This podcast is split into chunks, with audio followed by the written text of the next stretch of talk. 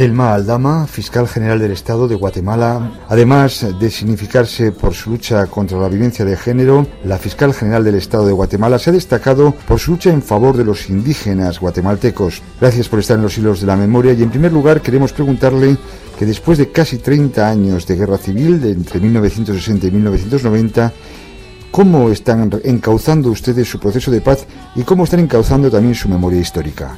se firmó el acuerdo de paz firme y duradera y los diferentes gobiernos guatemaltecos han hecho los esfuerzos que corresponden para encauzar a Guatemala hacia la paz. Desafortunadamente estos esfuerzos no han dado el resultado que hubiésemos querido, particularmente por el incremento de la criminalidad, por el surgimiento del narcotráfico, crimen organizado, trata de personas, y diversos delitos, el tráfico de armas, delitos transnacionales y los propios uh, delitos eh, que se cometen en Guatemala, como la corrupción, la violencia contra la mujer, la violencia contra la niñez. Con este escenario es difícil entonces para la población guatemalteca avanzar hacia la paz que tanto anhelamos.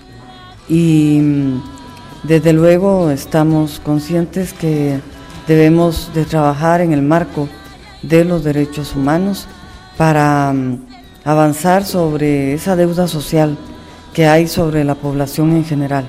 De todos modos, esta situación de dificultades que usted eh, presenta en, estos momentos en Guatemala, no obstante, en ese encauzamiento hacia la memoria, eh, ¿ustedes ven que puede significar el olvido o bien al contrario, hay, ustedes están peleando porque no haya impunidad. Efectivamente, nosotros desde la Fiscalía del Ministerio Público estamos luchando contra la impunidad del presente, contra la impunidad en la corrupción y también contra la impunidad del pasado, porque mm, no podemos dejar en el olvido los delitos que se cometieron en el marco del conflicto armado interno que sufrió Guatemala. Acabamos de obtener una sentencia de carácter condenatorio en el caso Sepursarco que se refiere a esclavitud de mujeres de la población Sepursarco de Guatemala que sufrieron de violaciones sexuales, que sufrieron de, de esclavitud, de servidumbre y que constituyen delitos contra los deberes de humanidad, delitos de lesa humanidad y se han obtenido sentencias contra dos eh, integrantes del ejército de Guatemala por 240 años contra uno y 120 años de prisión contra el otro. Sabemos que ningún ser humano va a vivir tantos años, pero el mensaje que se da a través de estas sentencias es que si vuelve a ocurrir un conflicto armado en Guatemala, los eh, integrantes del ejército y de los grupos que estén en el conflicto armado deben de respetar a la población civil no combatiente, mujeres, niños, jóvenes y ancianos.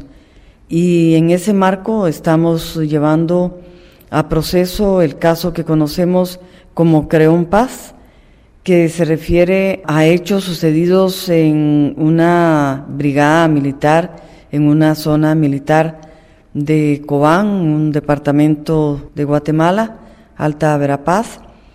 Estamos eh, empezando prácticamente con el caso, a pesar de que los hechos sucedieron durante el conflicto armado interno hacia los años 80, 81 aproximadamente, y en este momento están guardando prisión aproximadamente 14 integrantes de alto rango del ejército guatemalteco por um, delitos contra deberes de humanidad.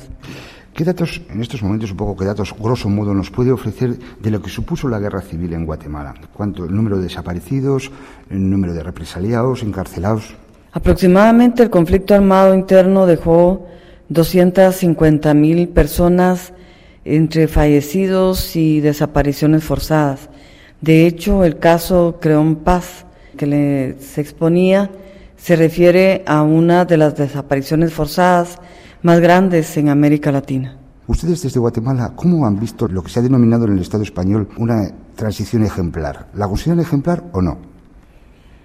Es difícil, por respeto a la soberanía de otro país, opinar, pero creemos que al igual que Guatemala, España también debe de luchar contra la impunidad del pasado para poder avanzar hacia un futuro mejor y dejar también el mensaje de que mm, en los conflictos armados que se dan en nuestros países debe de respetarse a la población civil no combatiente. Telma Aldana, usted es fiscal general del Estado y precisamente usted fue nombrada por el entonces eh, presidente Otto Pérez Molina y él ha sido condenado por corrupción. Esta situación, la justicia está siendo realmente independiente y está realmente eh, luchando contra los problemas serios que tiene Guatemala.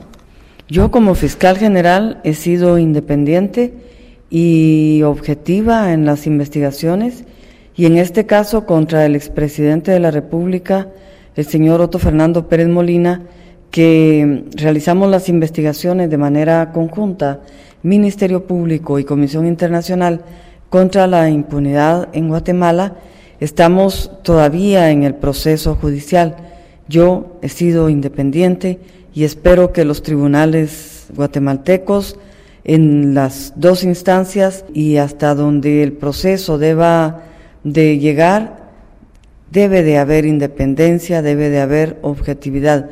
Eso es lo que esperamos. En el caso de los juristas españoles, el hecho de que no investiguen los crímenes del franquismo, e incluso el juez Baltasar Garzón, cuando lo intentó, fue apartado de la justicia, ¿cómo lo ven ustedes los juristas de Latinoamérica?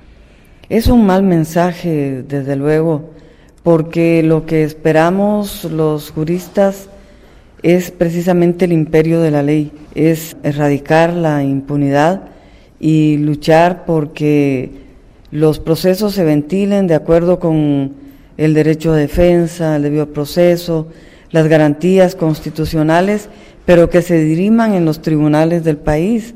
Y para esa función es imperativo que fiscales y jueces actúen objetivamente y que luchen contra los casos de impunidad derivados del pasado o del presente.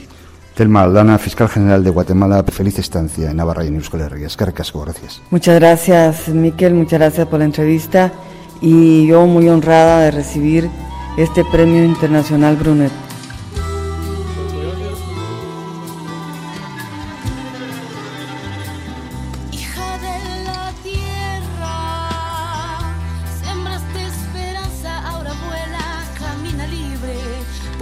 Pues el eco de tu